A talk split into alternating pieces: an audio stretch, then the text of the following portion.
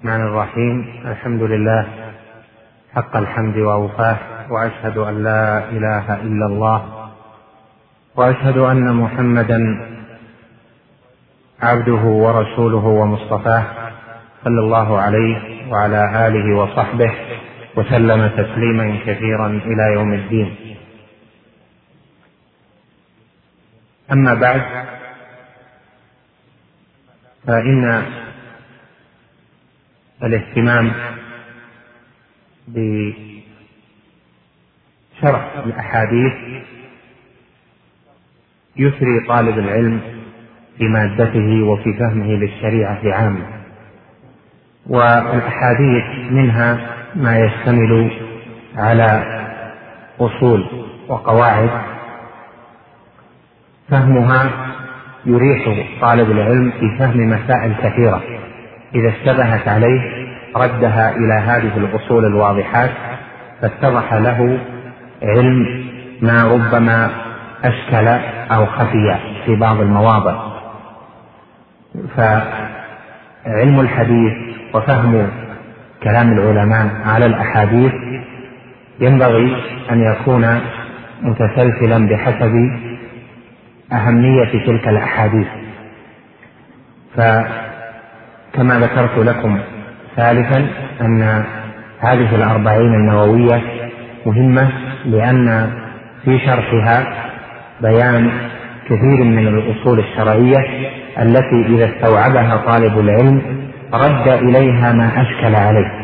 تجد مثلا أن العالم أو طالب العلم إذا وردت عليه مسألة مشكلة ربما لم يطلع فيها على كلام لأهل العلم وهي مشكلة فيرد ذلك المشكل إلى ما يعلمه من الأصول الشرعية التي دلت عليها أدلة الكتاب أو أدلة السنة فيتضح له الإشكال لأن مما يميز أهل العلم أنهم يردون المتشابه إلى المحكم فإذا ضبط طالب العلم المحكمات من الأدلة الواضحات البينات وتبين له كلام أهل العلم الراسخين عليها فإنه يستطيع بفضل الله ونعمته ورحمته أن يرد ما يشكل فيما يقرأ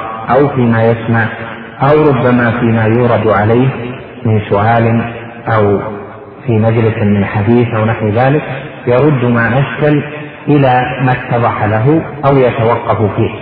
وهذا هو الفرق ما بين طالب العلم المؤصل وطالب العلم الذي يقرأ فقط. فطالب العلم المؤصل يكون عنده بناء المحكمات شيئا فشيئا في العقيدة والحديث والفقه.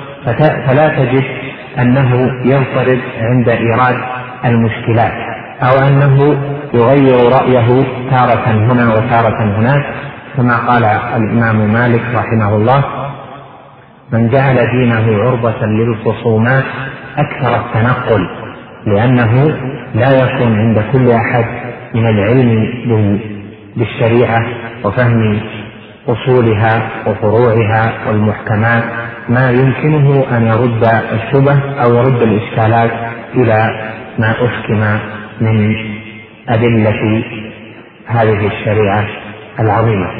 لهذا لابد من أن يؤخذ العلم شيئا فشيئا وأن تفهم شروح أهل العلم على الأحاديث على مر الأيام والليالي فيتحصل طالب العلم على حصيلة علمية متينة يكون معها يكون معها إن شاء الله تعالى وضوح الشريعة وفهم الأدلة وهكذا كان يسير العلماء ويحرصون على فهم الأولويات فهم الأشياء أو الأحاديث التي هي مختصرة أو جوامع أو كليات ثم ينتقلون إلى المطولات بحسب الحاجة.